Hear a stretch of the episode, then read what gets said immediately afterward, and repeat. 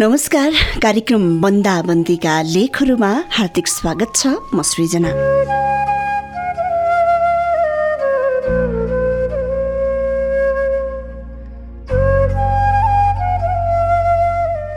आज माता तीर्थवंशीको दिन बन्दाबन्दीमा कसरी मनाउनु भयो? माता तीर्थवंशी यसपालि राम्रा कपडा दिन पाउनु भएन होला अनि मिठा मिठा मिठाईहरू खुवाउन पाउनु भएन होला। अझ कति सन्तानहरूले त आमासँग भेट पनि गर्न पाउनु भएन होला। तर पनि तपाईँले फोनमा कुरा भने अवश्य पनि आमासँग गर्नुभयो।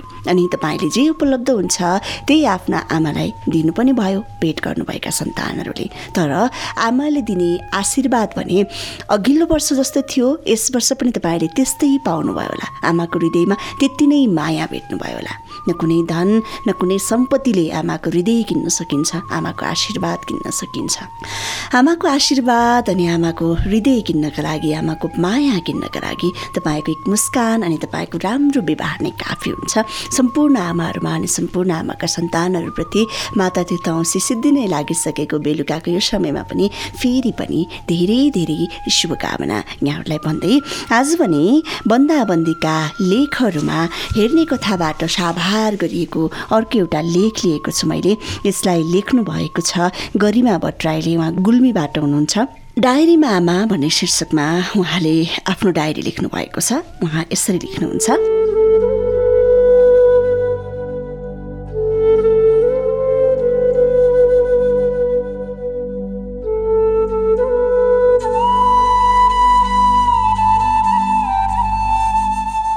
हुन त अरूको डायरी पढ्न रमाइलो लाग्छ तर मैले भने तिमीलाई पहिलोचोटि सम्झने कोसिस गरेकी छु। पहिलोचोटि तिमीसँग मित्रता गाँच्दा आफ्नो जीवनको अभिन्न अङ्गको बारेमा तिमीलाई केही बताउन चाहे। मेरो जीवनको महत्त्वपूर्ण अङ्ग अर्थात् मेरी आमा। सानैदेखि परिवारसँगै हुर्किने मौका पाएँ। परिवारबाट टाढा छुट्टै बस्ने अनुभव नै भएन। मैले पहिलेदेखि नै सोच्ने गर्थेँ आफूलाई पढाइको कति तनाव छ कसरी राम्रो गर्ने होला कसरी बाआमालाई खुसी बनाउने होला कसरी गुरुको आज्ञा पालना गर्ने होला।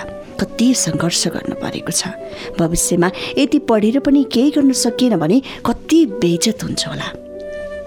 यस्तै तनाव पीर र चिन्ताले आफूलाई बाधा आमालाई हेर्थेँ अनि लाग्थ्यो आहा कति रमाइलो जिन्दगी। लाग्थ्यो आमाको जस्तै जिन्दगी भए त क्या मजा न कति पढ्न भन्दै जानुपर्ने न कसैलाई खुसी पार्नुपर्ने न कसैलाई रिझाउनु पर्ने न केही कारणले आफ्नो बेजत हुन्छ कि भनेर चिन्ता गर्नुपर्ने।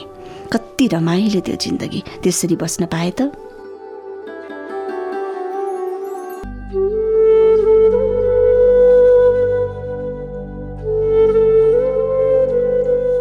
आमालाई कसैलाई खुसी पार्नै पर्दैन भने पनि मैले नै कहिलेकाहीँ समयमा खाना नपाक्दा नुन मरमसला कहिलेकाहीँ ट्वाक्क नलाग्दा अरू के काम छ र आमाको? त्यति जब काम गर्न पनि गाह्रो हुने। आफूले के के काम भ्याउनु परेको छ भनेर गाली गर्थे। आमाले थाके भन्दा केही नगरी थाक्ने कस्तो खालको ज्यान होला भन्ने सोच पनि मनमा आउँथ्यो। लकडाउनले सबैतिर अस्तव्यस्त भएको बेला मेरो सोचमा पनि परिवर्तन आएको छ। आमाको कामलाई अझै बढी निहाल्ने मौका मलाई लकडाउनले दिएको छ। अरू बेला बिदा नै भए पनि आफ्नो पढाइ तथा अन्य काममा व्यस्त भएर होला। आमाको यो घरमा मेरो जिन्दगीमा योगदान के छ भनेर मैले त साँच्चै कहिले बुझेको नै रहेनछु। तर अहिले हेर्छु र अचम्म लाग्छ। कसरी भ्याउनु भएको होला त्यति सबै काम? लकडाउन नहुँदा जुन समयमा आमा उठ्नुहुन्थ्यो त्यही समयमा पनि अहिले पनि उठेर घरको सरसफाइ नुहाइ धुवाई व्यायाम योगा पूजापाठ चिया खाना सरसफाइ त्यसपछि खाजा अनि हामीलाई पढ्नुपर्छ भन्ने प्रेरणा कहिले विभिन्न शारीरिक र मानसिक गेम खेलाउने बत्ती काट्ने फुलबारी स्याहार्ने फेरि बेलुकाको खाना अनि हामीलाई सुताएर बल्ल आफू सुत्नुहुन्छ भन्ने काम मैले अहिले निहालिरहेको छु।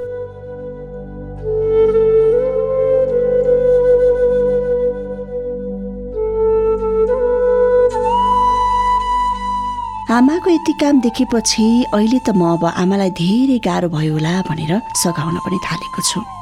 आमासँग बसेर हेर्ने कथाका विभिन्न अङ्कहरू हेर्न थालेको छु। आमा अहिले निकै खुसी हुनुहुन्छ।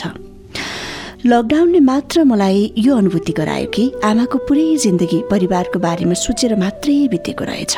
आमा भएको भएर मात्र जिन्दगीमा सुख रमाइलोपन सहजता अनि समृद्धिले बास गरेको रहेछ। धेरैले भनेको सुन्छु। गृहिणीको आमाको घर बस्ने बाहेक के काम हुन्छ र? तर लकडाउनले बुझायो आमाले नै हाम्रो जिन्दगी स्वर्ग स्वरूप बनाइदिनु भएको रहेछ। धन्यवाद आमा। सम्पूर्ण आमाहरूलाई कोटी कोटी प्रणाम।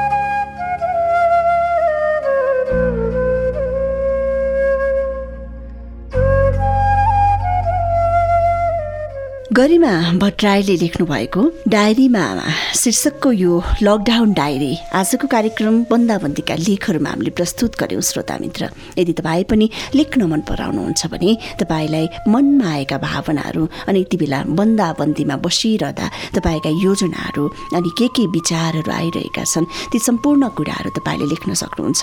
कम्तीमा पनि पाँच सय शब्दसम्म तपाईँले लेखेर कालिम्चोक एफएमको फेसबुक पेजमा म्यासेज गरिदिन सक्नुहुन्छ।